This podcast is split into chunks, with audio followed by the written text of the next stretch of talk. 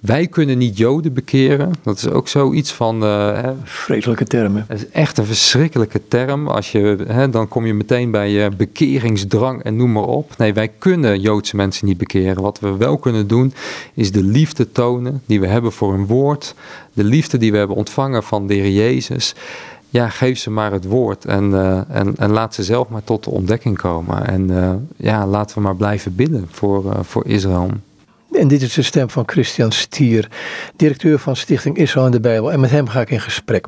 Um, je hebt onder andere in, in, in Brooklyn gewoond een tijd, in de, dus vlak tegen de Joodse gemeenschap aan. Maar ik begin gewoon maar impulsief bij iets wat voor me ligt. Uh, een, een, blad wat jullie uitgeven. En dan gaat het over de wereld van de Garedim. En dan zie ik daar zo'n uh, prachtige foto, foto van... Uh, mensen met hoedjes op, keppels op, ehm, de pijers. Ehm, is dit de wereld waar jij bij gewoond hebt? Jazeker, ja, ja. In uh, New York daar heb ik uh, zes maanden gewoond met mijn uh, gezin. En wij woonden op de rand bij Flatbush Avenue. En het was eigenlijk de straat oversteken. En ja, je liep zo de wereld van de Garedim binnen, oftewel van de ultra-orthodoxe Joden. En dan? Nou, de reden dat we daar uh, naartoe zijn gegaan is, uh, ik werkte al een aantal jaren voor Israël de Bijbel, maar ik vond het belangrijk om ook eens uh, over de grenzen heen te kijken. Dat deed ik altijd wel met reizen, maar ook gewoon eens mee te kijken met andere organisaties. Nou, dan kom je eigenlijk al vrij snel in New York terecht. Dan heb je hele grote organisaties die ook werken onder het Joodse volk. Dus ik wilde gewoon eens een, een half jaar met hun meedraaien om te kijken hoe zijn zij bezig onder het Joodse volk. Wat kunnen we daar als stichting van leren? En uh, om ook meer te verdiepen in de Garedim, de ultra-orthodoxe Jood. Het is echt een, uh, een hele aparte wereld. Uh. Ja, beschrijf die eens. Want, want jij, jij bent Nederlander, dus uit de klei getrokken zeg ik. Een echte kaaskop, zou ik zeggen. maar goed, dan kom je, je komt dus in een andere wereld, maar ook in een andere denkwereld terecht bijna. Ja, bijvoorbeeld een wijk als eh, Williamsburg, als je daar binnenkomt, dan lijkt het net alsof je eigenlijk op een filmset terechtkomt. Dan zie je hele grote gezinnen, uh, gemiddeld 7, 8 kinderen per gezin. nou ja, allemaal met pijpenkrullen in het zwart-wit. En het is inderdaad echt een hele andere denkwereld. Heel veel denken bij ultra-orthodoxe Joden van, oh, hè, dat zijn de, de fariseeën in de tijd van de Heer Jezus. Maar eigenlijk is het ultra-orthodox Jodendom nog niet eens zo heel oud. Het is uh, zo'n 200, 300 jaar oud. En uh, vroeger had je alleen orthodoxe Joden.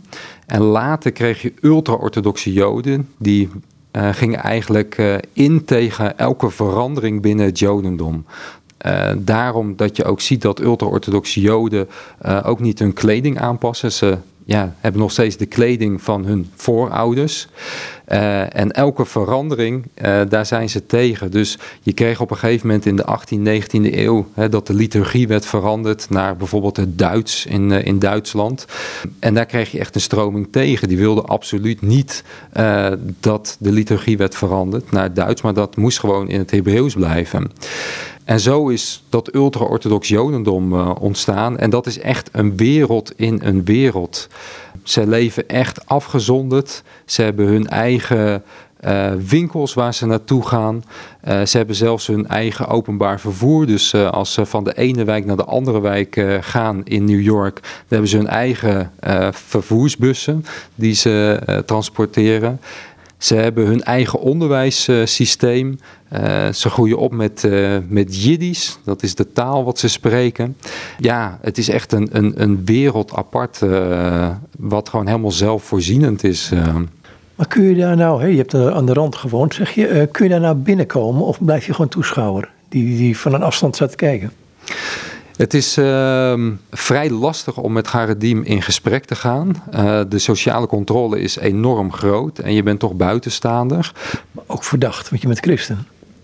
Ja, maar dat kunnen ze natuurlijk aan de buitenkant niet, uh, niet zo zien. Dus we, ik heb daar wel heel veel gesprekken gevoerd met uh, Garedim, maar vaak zijn het wel uh, vluchtige gesprekken. En ja, die sociale controle is zo groot dat ze echt heel bang zijn dat ze ontdekt worden, dat ze nou ja, met een buitenstaander praten. We zien daarin wel een beweging. We noemen dat de OTD'ers of de derg. Dat wil zeggen degene die uh, de weg verlaten, het, van het pad gaan. En die beweging die groeit enorm en dat komt onder andere door internet. Dus binnen de orthodoxe kringen, ultra-orthodoxe kringen, mag je niet zomaar het internet op. Uh, je hebt ook de kosher telefoon. Maar je ziet steeds meer dat ze naast de kosher telefoon ook een smartphone hebben. En ja, je moet echt bedenken dat zij echt niks weten van, uh, ik noem maar wat, hè, de geschiedenis van Amerika. Ze hebben heel beperkt uh, uh, wiskunde gehad. Dus ze weten totaal niet hoe de wereld buiten hun community om hoe dat uh, werkt. Dus dat zie je vaak ook uh, uh, terug in, in documentaires over de Garedim die dan nou ja, uit de gemeenschap zijn gestapt. Dat bijvoorbeeld een Wikipedia voor hun echt geweldig is. Want daar nou ja, kun je lezen hoe de wereld om je heen werkt en, en, en wat de oorsprong is van, van wat je maar googelt en, en intikt. Dus ja, nogmaals, het is echt een, een, een gemeenschap in een gemeenschap. ja. Wat is hun wereld dan wel? Waar baseren zij die wereld op? Nou ja, je hebt uh, natuurlijk na de val van, uh, van de tempel in Jeruzalem, 70 na Christus, kreeg je op een gegeven moment de Talmud, de Misma, de, de, de rabbijnse geschriften. Je kreeg de mondelinge wet en dat is helemaal een eigen leven gaan, gaan leiden. En zie je dat ze zich echt zijn gaan afzonderen van, van de wereld om hen heen. dus ook als je nu naar de Garedim kijkt, dan denken heel veel mensen, hè, bij, als ze bij de klaagmuur staan, van nou, ze zijn druk bezig met het woord te bestuderen. En ook in de yeshiva, de rabbijnenschool, zijn ze druk bezig met de Bijbel. Maar ze zijn eigenlijk vooral bezig met de Talmud, met de rabbijnse geschriften. En uh, ja, dat is een heel andere manier van denken dan wij als christenen. Uh, binnen het Jodendom gaat het vooral om de, hetgeen wat je doet, om je handelingen. Als je handelingen maar goed zijn, dan, hè, dan, dan, uh, dan is het goed. Dus je hebt bijvoorbeeld binnen het ultra-orthodox Jodendom heb je de Sugan Aruch. Dat is een handboek die van ochtends vroeg tot s avonds laat eigenlijk laat zien elke handeling die je uh, moet verrichten als Jood. Met welk been stap je uit bed? Hoe was je je handen? Hoe strik je je fetus? Uh, de tzitzit, hoe knoop je ze? hoe loop je over straat? het is echt een, een, een, een, een boek wat eigenlijk alles behandelt, ja, het, het Joodse leven. Als ik naar de vijf boeken van Mozes kijk, dan gaat het ook vaak over het merendeel van de dingen gaat over de dingen die je moet doen. Ja, dat klopt ja. Alleen dit is nog wel weer een, een, een stapje erbovenop. Dus ik noem maar wat. Hè. Uh, op, uh, op Shabbat mag je geen vuur aansteken. Hè, staat er dan in de Torah. ja, hoe vertaal je dat naar deze tijd? Als ik het lichtknopje aanzet en er komt een vonkje vrij, uh, dan uh, ontsteek ik vuur. Dus ik mag op Shabbat niet uh, het lichtknopje omzetten. nee, dat herken ik. Mijn moeder is een sabbatshulp geweest. Hè? Dus die moest op de vrijdagavond het licht aandoen. Dus oh. dan, dan kan het weer wel. Maar goed, even naar... Hey, je, je woonde daar. Um, ben je ook met hun meegegaan naar hun synagoge toe? Ik heb wel uh, verschillende synagogen bezocht, maar ik heb vooral eigenlijk uh, op straat uh, gewerkt. Dus echt gesprekken aanknopen met, met Garedim. Ik heb daar met, met boekentafels gestaan, waar we alle bijbels op uitgestald hadden staan.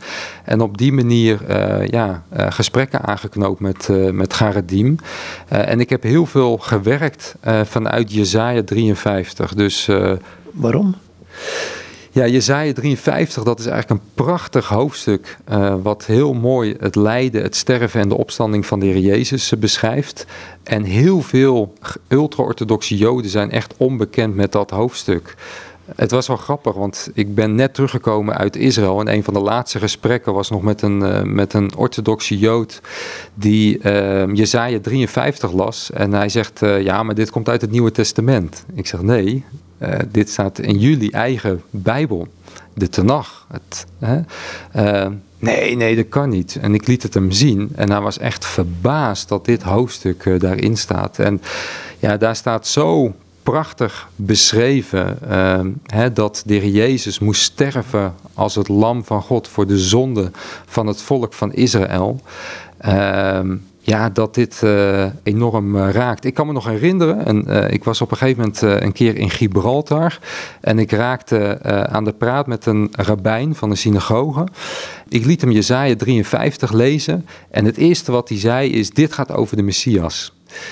Maar hij realiseerde zich ook meteen van ja, maar wacht even. toen hij dat zei, nou kom jij met de Heer Jezus. Dus hij zei er meteen achteraan, maar het gaat niet over Jezus. Maar dat moment, dat vond ik zo mooi. Want dat, die woorden kwamen zo binnen. Het zijn zulke sterke woorden. Helemaal als je het leest in het Hebreeuws. Ja, dat heel veel je ook in getuigenissen ziet dat uh, Jezaja 53 toch een verandering in het denken teweeg heeft gebracht. Binnen het Jodendom wordt er natuurlijk heel verschillend over gedacht. Je ziet in de eerste tien eeuwen dat het heel duidelijk uh, werd uitgelegd uh, van ja, dit hè, gaat over een persoon, het moet wel gaan over de Messias. En later zie je dat daar een verandering in komt en dat men zegt vanuit Jezaja 53 dat de leidende knecht gaat over het volk Israël wat nou ja, geleden heeft door de eeuwen heen. Maar uh, de vraag die ik vaak stel aan Joodse mensen is van hoe kan Israël nou sterven voor zijn eigen zonde. Want dat is eigenlijk de kern wat je in Jezaja 53 heel sterk ziet terugkomen. Dus ja. ja, de knecht des heren kan Israël zijn natuurlijk. Zoals het hoofdstuk, of tenminste hoofdstuk, het einde van hoofdstuk 52 begint zo. Ja, ja, dat klopt. Ja. Ja, je ziet in Jezaja 53, en dat maakt het ook best wel lastig, dat de ene keer de knecht van de Heer heel duidelijk een persoon is, en de andere keer, ja, dan gaat het over het volk van Israël. En dat vind ik juist, juist zo enorm mooi. Uh, want dat zie je in heel veel beelden terug. Uh, ik noem maar wat. Israël wordt de zoon genoemd, maar de Messias wordt ook de zoon genoemd. Israël wordt de wijnstok genoemd. Uh, ja, de Messias van Israël wordt de ware wijnstok genoemd. Eigenlijk waar Israël faalde, heeft ja, de Messias van Israël, die heeft ja, het voor Israël gedaan, zeg maar, door uiteindelijk zijn eigen leven te geven. Maar goed, um, Israël blijft als ik het zo mag vertalen, heel kort de bocht, uh, Gods oogappel. Um, waar je toch niet ongestraft aan kunt zitten. Ja, zeker. Ja, ja, je ziet heel duidelijk uh, door heel de Bijbel heen dat God een plan heeft met dat volk. En, uh, ik geloof... Dat is irritant voor veel mensen.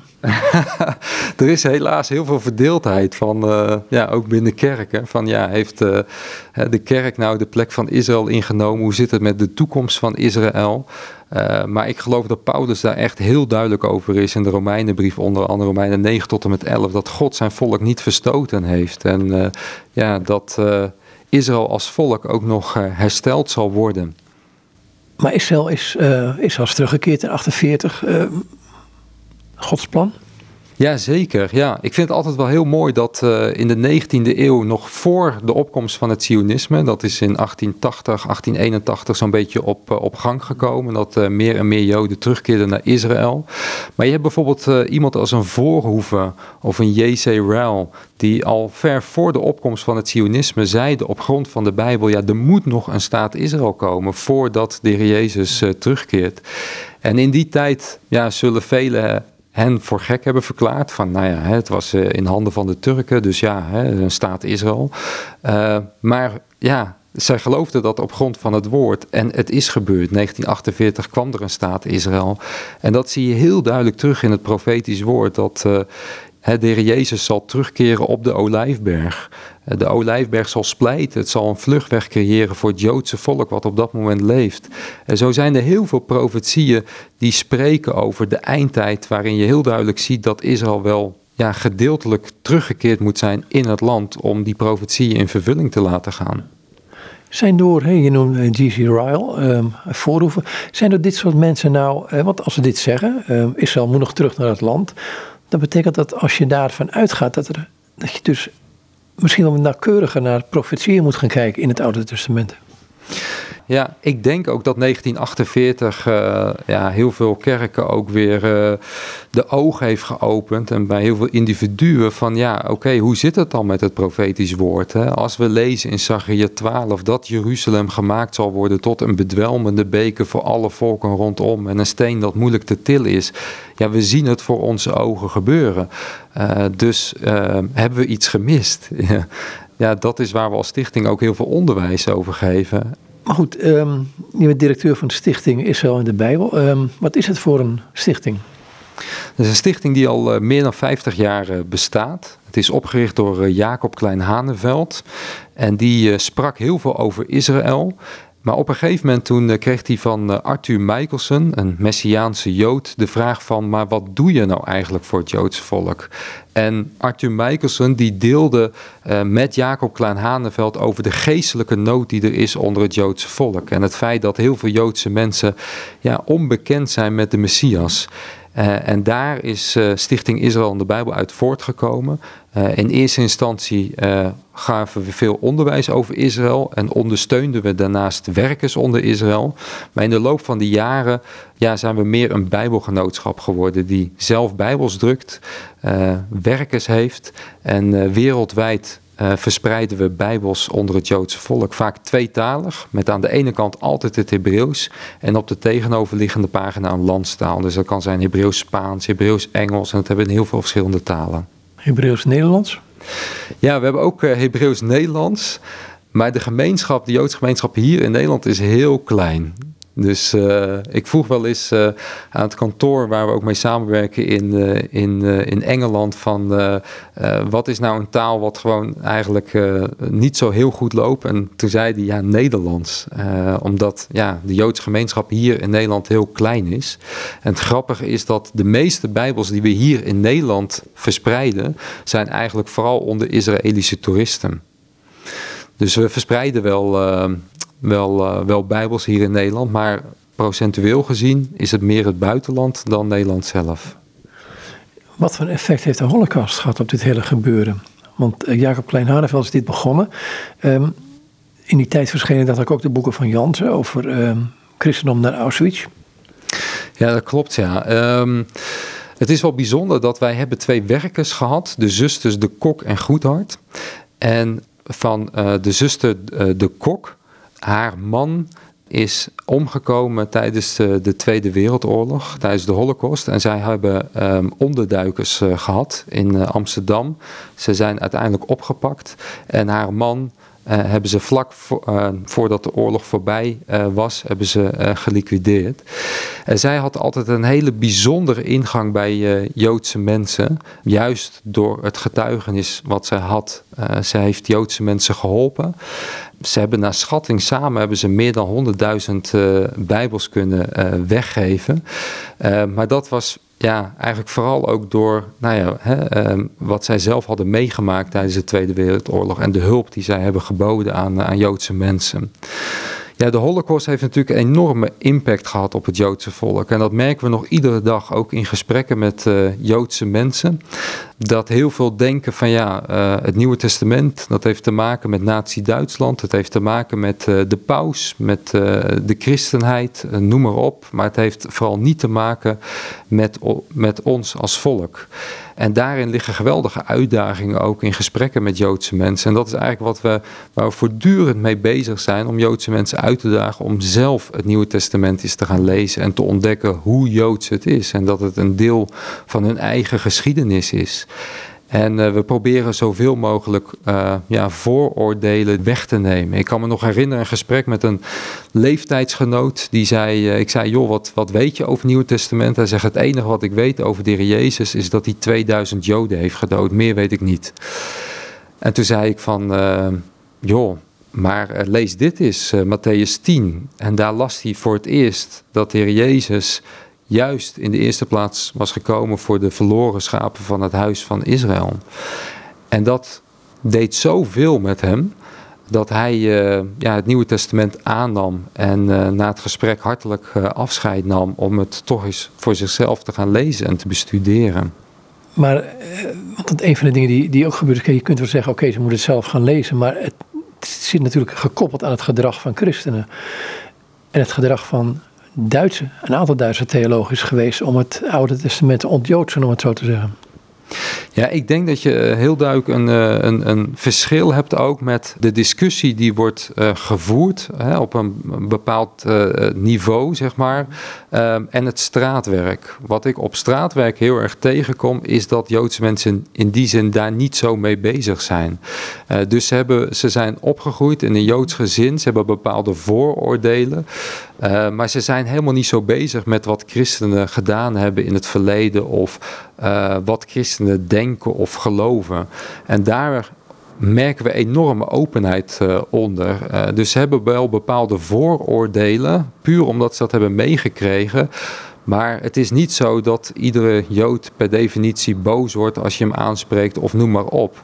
En ik denk dat daarin echt geweldig veel kansen liggen, juist voor de christenheid, om je liefde te tonen uh, richting het Joodse volk. En te laten zien dat, uh, dat zeg ik ook vaak tegen Joodse mensen, van hè, door jullie te nacht en ook door het Nieuwe Testament is mijn leven echt veranderd. Ik heb een persoonlijke relatie gekregen met de God van Abraham, Isaac en Jacob. Ik heb een bijzondere liefde gekregen voor het Joodse volk. Waarom? Omdat het Oude Testament en het Nieuwe Testament, of de Tenach moet ik zeggen, en het Nieuwe Testament, ja, laat zien dat we het Joodse volk moeten liefhebben, dat we achter ze moeten staan. En dat doet heel veel met, uh, met Joodse mensen in gesprekken. Je zegt, uh, Stichting Israël en de Bijbels is meer een, een soort van, uh, bijbel een soort, uh, nou, bijbelgenootschap kun je het niet noemen, maar het lijkt er wel op, ja. Want jullie zijn dus met voornamelijk um, bijbels te maken in de landstaal um, uh, versus ook de, de Hebreeuwse taal. Maar je hebt ook tegenwoordig het Jiddisch. Ja, klopt, ja. ja. Een aantal jaar geleden in Amerika, toen zijn we met verschillende organisaties bij elkaar gekomen. En uh, toen uh, zeiden van ja, wat wordt er nu eigenlijk gedaan onder de Garedim, onder de ultra-orthodoxe Joden? We hebben ze vaak wel heel groot op foto staan, in ons magazine en noem maar op, maar wat doen we er nou feitelijk onder? En toen uh, er was organisatie ook gezegd van het is zo belangrijk dat we heel bijzonder ook voor deze groep bi gaan bidden. Hè, we zien dat het een hele gesloten gemeenschap is. het is moeilijk om binnen te komen. maar er komen Joodse mensen ook uit deze beweging tot geloof.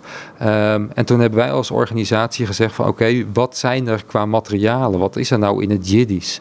En toen kwamen we er eigenlijk achter dat er heel weinig materialen in het Jiddisch zijn. En het eerste wat we ook uh, zagen is van ja, uh, het Nieuwe Testament in het Jiddisch. Er staan hele oude PDF-bestanden op het internet, maar de tekst is eigenlijk helemaal niet gedigitaliseerd. Er is helemaal geen website waar het Jiddische Nieuwe Testament uh, ja, zo op te lezen is. Dus daar zijn we eigenlijk mee begonnen. Eerst met het digitaliseren van het Jiddische Nieuwe Testament. Dat was een heel echt een heel project ook. Um, en vervolgens zijn we een jongen tegengekomen die um, uh, geheime gelovige is, uh, die, uh, wiens moedertaal Jiddisch is. En hij is bezig momenteel om het Jiddische Nieuwe Testament um, ja, met een eerste herziening. Dus wat hij doet is de klinkentekens veranderen naar het Garedi Jiddisch, dus zoals ultra-orthodoxe Joden Jiddisch lezen. En het tweede wat hij doet is voetnoten plaatsen bij oude Jiddische woorden Um, en dat zet hij om naar het gerede Jiddisch, zodat uh, ultra-orthodoxe Joden ja, makkelijker het Nieuwe Testament kunnen lezen. De vraag die me toch bekruipt als ik dit hoor, hè? Um, bij Jiddisch, waar wordt het nog gesproken? Nou, we zien uh, binnen de ultra-orthodoxe gemeenschap dat het uh, heel veel gesproken wordt. Wat opvalt is dat uh, de ultra-orthodoxe beweging, de Garedim, dat die enorm groeien.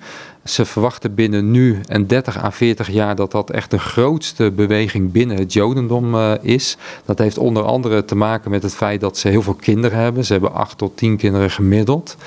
Um, en die groeien allemaal op met, uh, met Jiddisch. Dus waar we nu mee bezig zijn, ja, dat geloven we ook uh, dat het belangrijk is voor naar de toekomst toe. dat straks heel het Nieuwe Testament echt voor hen beschikbaar is. juist omdat deze gemeenschap groeit. En juist omdat meer en meer ook op het internet zijn te vinden en uh, ja, open staat om ook te kijken van ja, wat gebeurt er nou uh, buiten onze community. Waarom zou je dat um, naar die mensen willen vertellen uh, wie Jezus is, wie de Heer Jezus is? Want zij geloven tenslotte in de God van Israël. Ja, um, wat ik heel erg merk in gesprekken, ook met ultra-orthodoxe Joden, is dat ze ook echt een heel verwrongen beeld hebben van de persoon van de Heer Jezus en van het Nieuwe Testament. En ja, dat doet ons gewoon heel erg uh, verdriet dat hun eigen Messias, de Heer Jezus, dat daar zo'n ja, zo'n verwrongen beeld van is. En dat vinden we belangrijk om dat beeld recht te zetten. En uh, ja, dat Jiddisch project is zo belangrijk, want ja, nogmaals, ze kunnen dan zelf het Nieuwe Testament gaan bestuderen en gaan lezen. En ja, we geloven natuurlijk dat de Heer Jezus uh, de beloofde Messias van Israël is. Dat hij de weg, de waarheid en het leven is. En ja, dat willen we hen niet onthouden. Jullie hebben een boekje ook uitgegeven, zie ik te liggen. Tien dagen bidden voor de Garidim. Kun je dat gewoon eens een paar van die gebedsdagen uithalen, wat jullie erin schrijven?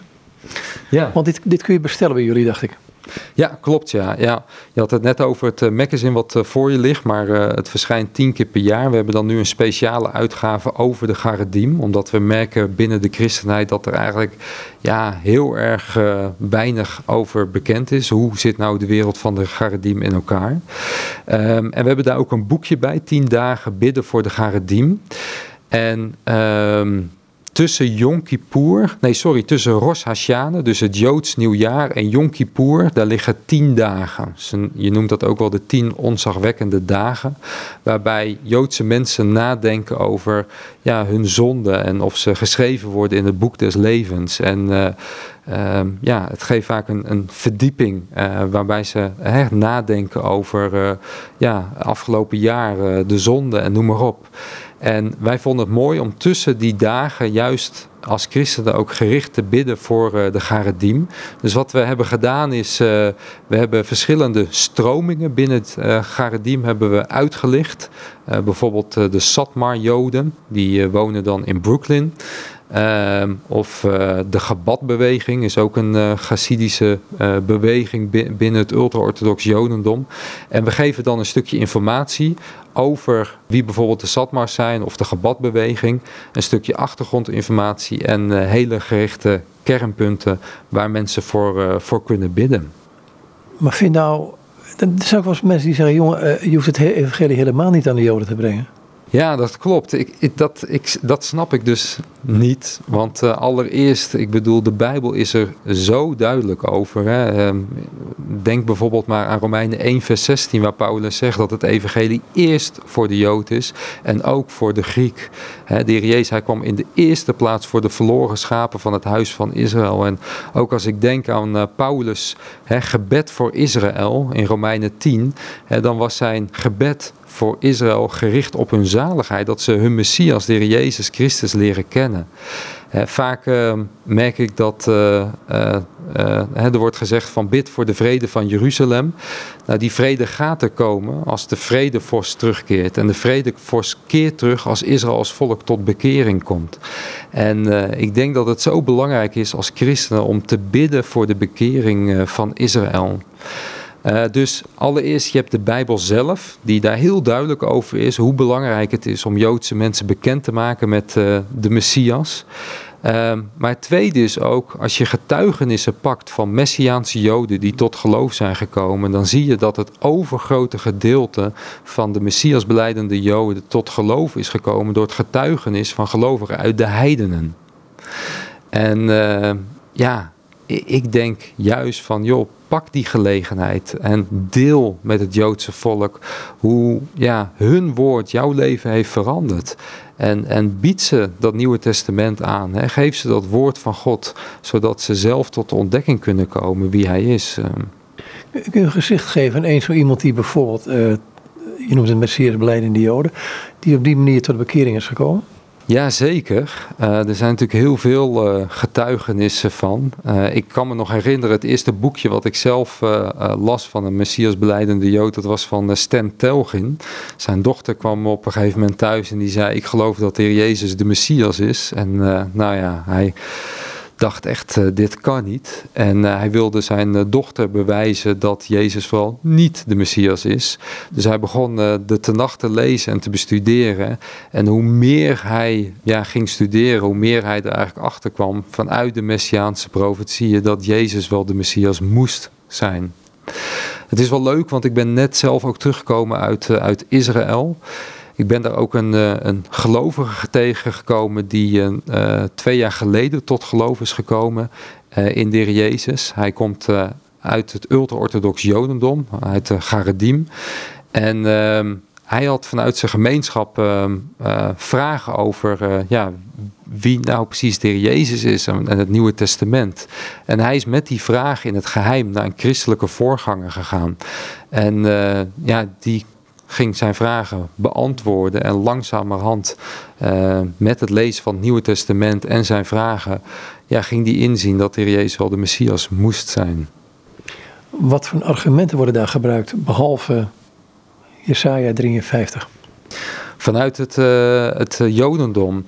Nou, een van de bekende argumenten is van uh, de heer Jezus kan de Messias niet zijn, want als de Messias komt, dan zal hij als koning over de aarde regeren. Dus ja, de heer Jezus, hij heeft niet als koning over de aarde geregeerd. en dan is het heel belangrijk om te laten zien dat ja, hè, tenag ook vertelt over de leidende knecht. Inderdaad, je zei 53, maar ook in de uh, offerdienst dat je heel duidelijk uh, terug ziet komen dat er bloed moest vloeien uh, als verzoening voor de zonde. En ehm, dat ook bijvoorbeeld Daniel 9, de 70 jaarweken, dat je ook heel duidelijk ziet dat de Messias moet komen voor de val van de tempel.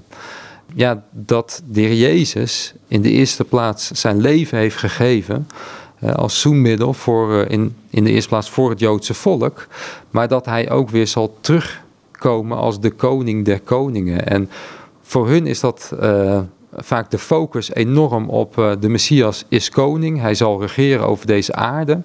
En het grappige is, als je met christenen in gesprek gaat, dan ligt de focus vaak heel erg op de Heer Jezus als de leidende knecht, als degene die zijn leven heeft gegeven hè, voor de zonde. Um, maar veel minder uh, uh, zijn christenen weer bekend dat hij straks ook als koning zal terugkeren om zijn koninkrijk hier op aarde op te richten. Uh, dus bij ons ligt de focus vaak op het één en is het belangrijk om onder christenen onderwijs te geven over, hè, maar de Heer Jezus komt nog terug, hè, er zal nog een Messiaans Rijk aanbreken.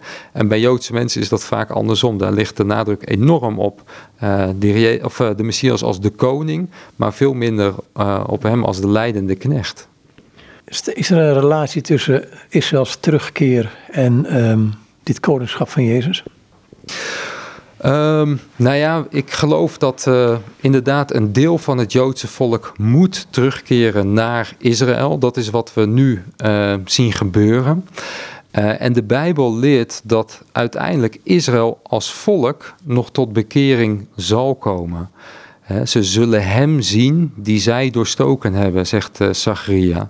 En er zal nog een geweldig moment aanbreken waarbij ehm, ja, Israël straks tot bekering zal komen. En de Bijbel leert dat dat zal zijn ook in een hele moeilijke tijd. En dat is wat we ook voor onze ogen zien gebeuren. Israël komt steeds meer alleen te staan. Dat valt ons overigens ook op, hè, dat als je kijkt naar de huidige staat Israël, uh, als er spanningen zijn in Israël, dan uh, voelen de Joden buiten Israël dat ook. Uh, hè, en zie je ook dat, uh, nou ja, hè, als je dan in Amerika bent en er zijn spanningen in Israël, dat uh, de bewaking veel sterker is. Ook hier in Europa zien we dat heel sterk in Berlijn bijvoorbeeld, waar zwaar bewapende mannen dan voor de synagogen staan. En waar de synagoge echt dag en nacht wordt bewaakt. Dus je ziet dat die druk onder het Joodse volk meer en meer toeneemt, zowel in Israël als ook de gemeenschappen buiten Israël. En de Bijbel leert dat in de toekomst Israël als volk zo in de benauwdheid zal komen, net als in de tijd van Richter eigenlijk, ja, dat ze uh, de Heren zullen gaan aanroepen en dat de Heren nog, uh, of dat de Heren zal gaan ingrijpen en uh, dat er nog geweldige dingen staan te gebeuren, dat Israël als volk echt nog hersteld zal gaan worden. Heb je het dan ook um, over een verschuiving in het antisemitisme? Ja, dat geloof ik wel, ja. Ja, ja, ja. Ik geloof dat, uh, wat ik net ook al schetste, van uh, het antisemitisme. Uh, Um, we hebben wel eens een artikel geschreven, dat was een uitspraak van een, uh, van, van, van een Jood zelf. Die was gevlucht vanuit Frankrijk, maakte die Alia naar Israël toe. En hij zegt eigenlijk ga ik van het ene brandende huis naar het andere brandende huis. Want uh, in Frankrijk ben ik niet veilig als Jood. Maar in Israël zie ik ook dat ja, Israël omringd is door eigenlijk alleen maar antisemitische landen die maar één doel voor ogen hebben. En dat is Israël van de kaart vegen. Dus die druk op het Joodse volk, ja, die zie je heel sterk in Israël, maar ook buiten Israël. Maar is dat gerechtvaardigd te zeggen dat als je tegen Israël bent, dat je een antisemiet bent? Um, ja, dat geloof ik uh, wel, ja. ja. Ja, ik denk dat uh, uh, ja, het antisemitisme ja, dat is echt een haat. Hè? Anti-Shem, dat is tegen, tegen de naam, tegen God. Maar antisemitisme, dat uit zich altijd tegen het volk van God. En uh, soms wordt het nog wel eens bedekt hè, van ja, ik ben anti-Israël tegen de staat Israël. Maar antisemitisme, anti-Israëlisme, dat ligt heel dicht uh, naast elkaar. Ja. Nou, je kunt politiek van mening verschillen natuurlijk. Ja, dat klopt. Ja, ja. Ja, kijk, uh, soms wordt Israël ook weer op een enorm voetstuk uh, geplaatst. Uh, maar we hebben te maken met een seculiere staat. En natuurlijk, ook in Israël gaan er heel veel dingen fout. En is het soms ook schijnend om te zien hè, wat er ja, gebeurt ook onder de Palestijnen en, en noem maar op. Maar vaak wordt het wel ja, in een heel verkeerd perspectief uh, gezet. Want Israël doet ook echt heel veel, juist ook voor Palestijnen qua hulp en zo. Maar dat wordt vaak niet gezien. Dat wordt vaak uh, ja, van één kant belicht. En dat, dat is ook wel weer verdrietig om te zien. Nou. Het is maar net wat je wil geloven, denk ik soms. Ja, ja. En, en we zien ook niet alles. Dat is ook, uh, ja, ja. Want jullie hebben er ook een, verbonden met een bijbelschool, dacht ik, daar in Israël. Ja, in Israël zelf werken we vooral samen met de Bijbel Society. Uh, die zit in Jeruzalem en wij maken uh, gebruik onder andere van hun vertaling. Zij hebben het Nieuwe Testament omgezet naar het modern Hebreeuws. Uh, dus verschillende uitgaven die wij hebben gedrukt, maken we gebruik van hun vertaling. En daarnaast, inderdaad, hebben we ook hele goede contacten met One for Israel. Zij doen veel aan internet-evangelisatie in Israël. En zij hebben ook een bijbelschool in Natanja. En het mooie daarvan vind ik altijd dat Jood en Arabier ja, samen studeren en elkaar gevonden hebben in de Heer Jezus. En dat, ja, dat is natuurlijk prachtig. Waarom? Nou ja, om, kijk, uiteindelijk geloof ik dat er nog een geweldige verzoening ook in het Midden-Oosten zal gaan plaatsvinden. Uh, en die verzoening zal straks ook gaan plaatsvinden als de Heer Jezus terug gaat keren naar deze aarde. Uh, dan zullen de volken optrekken naar Jeruzalem om bijvoorbeeld het Loofhuttenfeest te vieren en zo. Dus het is eigenlijk, ja, vind ik dit al een, een voorafje van geweldige beloften die nog liggen weggelegd uh, voor het Joodse volk. En dan echt op volkenniveau. Kun je het ook zeggen, ja, vooraf is verkeerd, maar zijn het ook een soort eerstelingen die, die Messias blijden in Joden? Ja, ja, ja, ja, dat geloof ik wel, ja. ja. Het is eigenlijk een eerste groep die tot geloof komt, wetende dat Israël als volk straks uh, ook nog tot bekering zal komen. Ja, ja mooie gedachte, ja. Dat blad dat jullie uitgeven, je hebt steeds een ander thema en ik sla er één gewoon willekeurig op. Um, er staat, wat, wat God doet onder het Joodse volk. Ik denk, nou ja goed, hij is de God van Israël, dus waarom niet hè? Um, maar vijf redenen waarom Israël belangrijk is. Um, waarom is het zo belangrijk? Nou, allereerst uh, zie je natuurlijk dat in de Bijbel Israël gewoon een hele belangrijke rol speelt. Hè. De, de rode draad van Genesis tot openbaring zie je dat Israël daar uh, een hele belangrijke rol in speelt. En dat is vaak wat we ook in onderwijs uh, meegeven. Van het is zo belangrijk als je het Nieuwe Testament gaat lezen dat je dat doet vanuit het Oude Testament. Hè. De Heer die geeft daar geweldige beloften over de komst van de Messias, van de Heer Jezus. Um, en ja, vanuit die belofte, als je de lijnen doortrekt naar het Nieuwe Testament, dan zie je dat dat zo prachtig in elkaar uh, uh, ja, aansluit, in elkaar verweven ligt. En wij maken het vaak als twee boeken. Oh ja, je hebt het Oude Testament, nou ja, en dan beginnen we vanaf Matthäus 1 de kerk te lezen. Maar nogmaals, bedenk dat de Heer Jezus in de eerste plaats kwam als de Messias van Israël. Hij kwam in de eerste plaats uh, om het koninkrijk voor Israël te herstellen. En de gemeente, het lichaam van Christus, het hel wat op een gegeven moment naar de heidenen gaat, ja, dat zie je pas in handelingen gebeuren. Uh, en het is belangrijk om uh, ja, daar oog voor te krijgen. En ook voor de toekomst van Israël. Ik heb vorig jaar nog een conferentie gegeven over boek Openbaring. Maar het boek Openbaring kun je niet uitleggen zonder het Oude Testament en dan in bijzonder het boek Daniel erbij te betrekken. Die twee heb je nodig. En uh, dat is eigenlijk een, een, een eerste reden waarom uh, Israël belangrijk is. Het is Gods volk, het is Gods oogappel en hij heeft er heel duidelijk een, ja, een plan mee. En onze wortels, ook van het christelijk geloof. Dat zijn Joodse wortels. En uh, het is belangrijk dat we ons daarvan bewust zijn. Het tweede wat wij vaak ook zeggen is van Ehm, we hebben heel veel ook aan het Joodse volk te danken. Zij hebben de Tenach overgeleverd en ze hebben dat op hele nauwkeurige wijze gedaan. Ja, ik heb soms het idee, als ik, als ik met sommige mensen praat, ik die dat het Oude Testament ons geschiedenisboek is, maar het is wel degelijk het Joodse geschiedenisboek. Ja, absoluut. Ja, ja, ja. Ik bedoel, uh, uh, natuurlijk zie je dat God daar ook werkt op volkenniveau. Uh, maar de rode draad hè, door heel de Tenach is Israël. Het zijn hun profeten, het zijn hun koningen geweest. En het zijn uh, ja, ook hun beloften geweest over de komst van, uh, van de Messias. Dus het is heel duidelijk een, uh, een Joods boek. En wat ik zeg, hè, als je kijkt ook hoe zij de Tenach hebben overgeleverd van generatie op generatie. Ja, dat is geweldig. Daarin hebben we gewoon heel veel aan hen te danken. Was Jezus nou Joods? 100 procent, ja. Dat werd ook betwijfeld op een gegeven moment. Helaas wel, ja. Helaas wel. En uh, uh, ja, onder christenheid uh, is men zich daar niet altijd van bewust. Maar het hel is uit de Joden. De heer Jezus, hij is de Messias van Israël. En ehm, ja, wij als heidenen mogen daarin delen. En dat is natuurlijk geweldig. Maar we moeten niet ja, aan het Joodse volk voorbij gaan. Ik weet toen Billy Graham voor het eerst daar sprak, zei hij, begon hij met van, um, ik kom jullie wel um, over de Heer Jezus vertellen, maar ik wil jullie eerst bedanken voor wat jullie aan ons gegeven hebben. Ja, dat, zo beginnen wij soms ook wel eens een gesprek. Dat we tegen Joodse mensen zeggen van we willen jullie bedanken. Bedanken voor uh, wat jullie ons hebben gegeven. Het woord van God, maar ook uh, ja, de Messias die uh, uit jullie volk is voortgekomen. Ja. Wat doen jullie als stichting nog meer behalve Bijbels verspreiden? Nou, eigenlijk is dat wel echt uh, de focus die wij hebben. Echt uh, nou ja, het woord verspreiden onder het volk. We hebben dat in heel veel verschillende uh, talen. Um, maar daarnaast, um, nou ja, zijn we ook bezig veel in Oost-Europa. Aan de ene kant bijbelverspreiding, maar daarin zagen we op een gegeven moment ook wel dat er heel veel ja, materiële nood is. en daar is onder andere in de jaren negentig uh, werkgroep handreiking uh, uit ontstaan.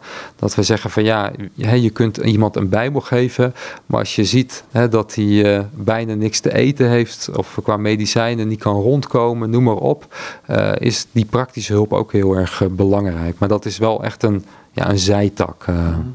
Jullie geven een blad uit. Ja, en uh, daarnaast geven we heel veel onderwijs hier in Nederland over Gods plan met Israël. We hebben ons magazine, IB Magazine, waar we heel veel uh, delen over uh, nou ja, het werk van de Bijbelverspreiding. Maar daarnaast ook veel onderwijs geven over Gods plan met Israël en de actualiteit. Um, en we laten ook Messiaanse Joden aan het woord door middel van getuigenissen. Ja, en het is vooral ja, gefocust op, op het werk van de Bijbelverspreiding. Eh. Kun je nou, dat heb ik ooit wel eens van iemand gehoord. Um, hij zat in Amerika vanuit, ik zijn naam even kwijt. Die zei, nou, ik, ik kwam als Jood, als Jood tot bekering, ging de Heer Jezus geloven. En ik ben gewoon in de synagoge gebleven. Ja, dat zien we ook heel veel. Ja, ja, ja. Ik denk vooral ook uh, onder de Garedim, de ultra-orthodoxe Joden. Kijk, um, ik ken verschillende die uh, geheime gelovigen zijn. Dus die uh, inderdaad echt beleiden dat de Jezus de Messias is. Maar je moet ook een enorme grote prijs betalen als je ja, als, uh, als Jood tot geloof komt in de Jezus. Eh, je moet je gemeenschap vaak verlaten. Er wordt soms zelfs een, een rouwadvertentie in, de, in de krant gezet. En ja, je, je bestaat niet meer.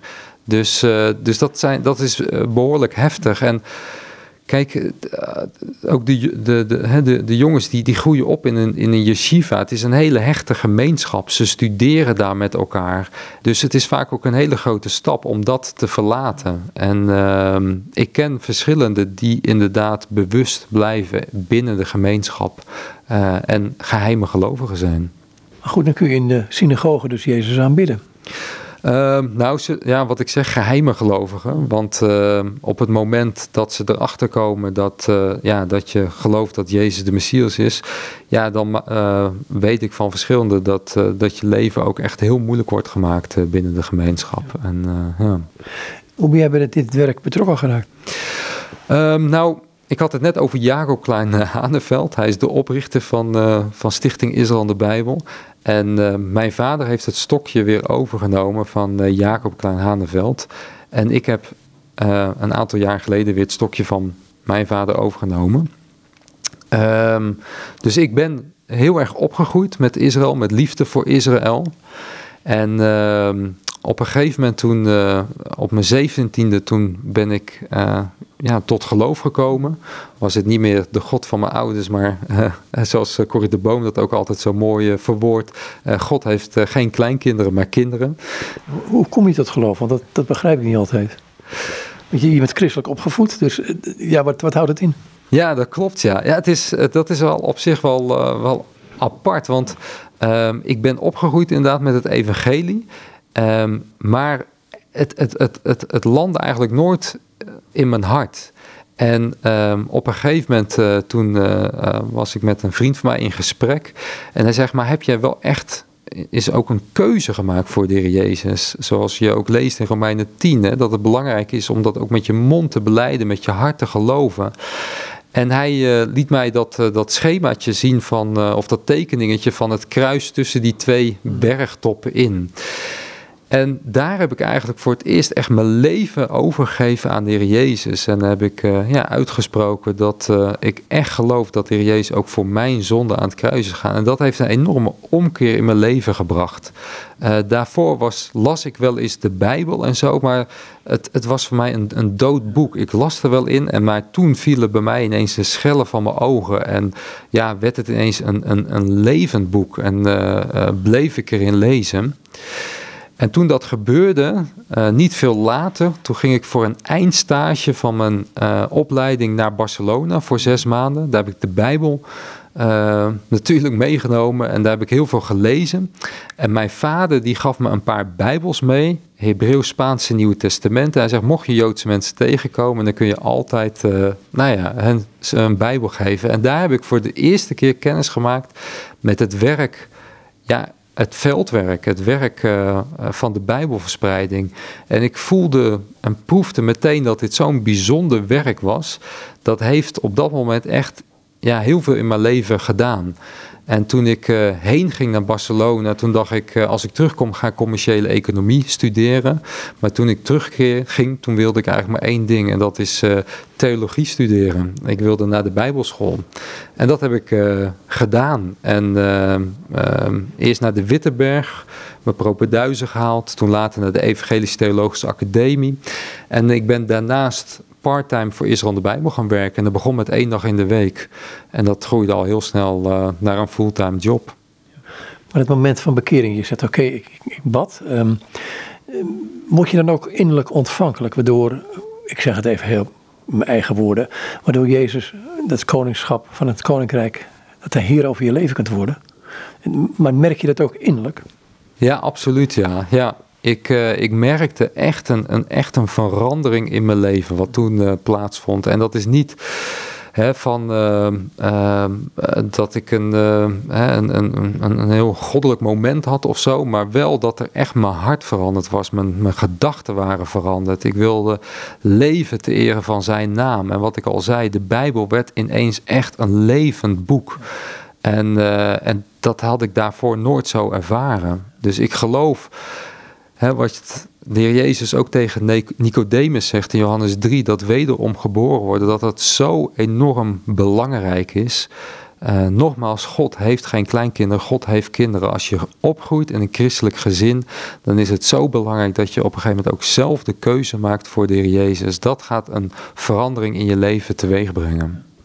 Dan ga je dit werk doen, maar er is ook die andere kant nog, die innerlijke kant, die intieme kant. Um, ik weet niet of je daarover praten wil, maar Groeit dan die liefde voor de Heer Jezus ook? En hoe onderhoud je die?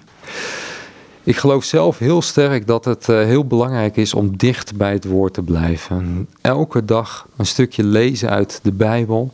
Uh, en ik kan wel zeggen dat ook het werk van de Bijbelverspreiding daarin een andere, ja, hoe moet ik dat zeggen, een andere dimensie teweeg heeft gebracht. In afhankelijkheid van de Heer God de straat op gaan, niet wetend wat voor mensen je tegenkomt uh, op straat, hoe het gesprek zal lopen.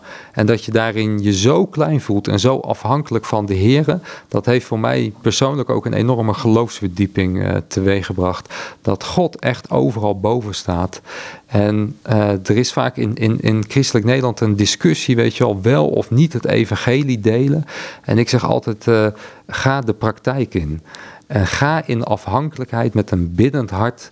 En je zal echt zien dat God mensen op je pad brengt. En dat je ontmoetingen hebt die je van tevoren niet kunt bedenken. Maar waarin je heel duidelijk God als werker ziet. We kunnen eindeloos theologisch discussiëren over wel eens, niet eens en, uh, en noem maar op. Maar uh, ja, de praktijk daarvan, dat is, uh, dat is zo mooi om te ervaren. Dus ja. En dat de moed hebben om als iemand tegenkomt, je kunt ervoor bidden, daar ben ik van overtuigd.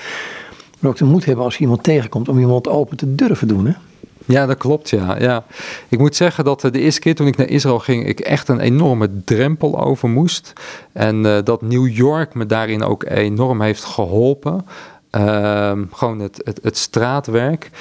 En daarin moet je ook gewoon groeien. Dat is gewoon, uh, in, in alles moet je leren. Hè? Als je een gitaar wil bespelen, dat kost ook een aantal jaren. En dat is ook met dit werk zo van, uh, ja, je gaat in afhankelijkheid, uh, je leest er veel over. Je kunt nog zo veel lezen over hoe, hoe je gesprekken begint en noem maar op. Maar ieder doet het op zijn eigen manier.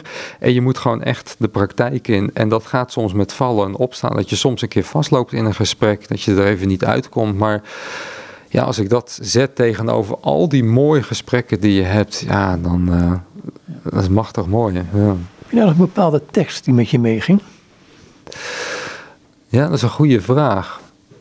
Kijk, wat ik altijd uh, heel mooi vind in, in Matthäus 9, dat is echt de bewogenheid die de Heer Jezus heeft ja, voor zijn volk. Dat hij daar de scharen ziet en dat hij met innerlijke ontferming over hem bewogen is. Dat lees je natuurlijk alleen over de Heer Jezus, dat hij echt met innerlijke ontferming bewogen is. Maar dat, is wel, dat zijn wel bijbelgedeelten, ook dat hartzeer van Paulus, wat je ziet in Romeinen 9 en 10, dat is echt zo, dat gaat zo diep voor zijn eigen volk. En als je je verdiept in de geestelijke nood die er is onder het Joodse volk, ja, dan, dan, dan is dat ook een, een, een, een drijfveer zeg maar, om dit uh, werk te doen. En uh, ja, Joodse mensen daarmee uh, bekend te maken. En nogmaals, we zijn maar een instrument. De Heer God, Hij is de werker. Wij kunnen niet Joden bekeren. Dat is ook zoiets van. Uh, Vreselijke termen. Het is echt een verschrikkelijke term. Als je, hè, dan kom je meteen bij bekeringsdrang en noem maar op. Nee, wij kunnen Joodse mensen niet bekeren. Wat we wel kunnen doen, is de liefde tonen die we hebben voor een woord. De liefde die we hebben ontvangen van de Heer Jezus. En nogmaals, uh, ja, geef ze maar het woord en, uh, en, en, laat ze zelf maar tot de ontdekking komen. En uh, ja, laten we maar blijven bidden voor, voor Israël. Wat bid je voor hen? Ik bid zelf heel sterk, wat ik ook al eerder aangaf, Romeinen 10. Het gebed van Paulus, dat Joodse mensen uit mogen komen ja, bij hun Messias, de Heer Jezus Christus. En ja, als ik zo mijn Messiaanse Joodse collega's spreek dan is dat iedere keer weer zo bemoedigend om te zien, ja, God gaat door. De Messiaanse beweging groeit. En uh, ja, er is wat dat betreft nog heel veel werk te doen. En dan het wonder Israël, waar ik soms helemaal niets van begrijp als ik zie wat er gebeurt. Ja, absoluut. Ja, ja zeker. Ja, ja. Als je verdiept in de geschiedenis van Israël en ook met uh, de staat Israël, hoe dat allemaal tot stand is gekomen, noem maar op, dan word je stil van. Maar ook nogmaals de geweldige beloften die ook nog voor hen liggen weggelegd. En uh, als je daar verder in verdiept, de wederkomst van Christus, de geweldige messiaanse belofte, Israël als volk wat nog hersteld gaat worden, ja, dan kun je alleen maar stil worden. Dat verliezen wij wel eens uit het oog, denk ik, soms een beetje. Tenminste, als ik naar mezelf kijk, de wederkomst van Christus. Ja, dat, uh, dat, uh, dat denk ik ook. Het is wel grappig, want uh, bij de reformatorische omroep kregen wij laatst de vraag van... willen jullie ehm, onderwijs geven over de wederkomst van Christus? Dus vanaf oktober is er ook een dertiendelige podcastserie via de RO... Uh, wordt er uitgezonden over Matthäus 24, de eindtijdreden van de Heer Jezus. Om juist ook dat belang te onderstrepen. Het zijn vaak ook vergeten hoofdstukken. Ja. Um, Jullie hebben een website. Ja, dat is uh, stichting, of sorry, dat is www.israelandebijbel.nl. Wat kan ik daarop vinden onder andere? Nou, daar vind, vind je veel informatie over uh, het werk van de Bijbelspreiding. En we hebben ook een studiearchief met meer dan 400 artikelen en podcast. En ja, genoeg onderwijs om meer te leren kennen over Gods plan met Israël. Maar ook ja, de geestelijke nood onder het Joodse volk en het werk wat we mogen doen onder hen. Begint het niet bij de geestelijke nood die wij zelf hebben? Ja, zeker. Daar, uh, wat ik net ook al zei, bedoel, uh, als ik kijk ook naar mijn eigen bekering, dan begint het daarmee. En daarvanuit ja, kun je ook weer gaan uitreiken als je weet wie je in de Jezus Christus bent en uh, ja, wat Hij voor ons heeft gedaan. En als je dat weet, dan mag je daarvan ook weer delen in je eigen familie, maar ja, ook naar de mensen daarbuiten. En in mijn geval in het bijzonder ook naar het Joodse volk. Ik wou het hier laten, dankjewel. Graag gedaan en bedankt. En dit is Christian Stier. En met hem was ik in gesprek over het werk van Stichting Israël en de Bijbel.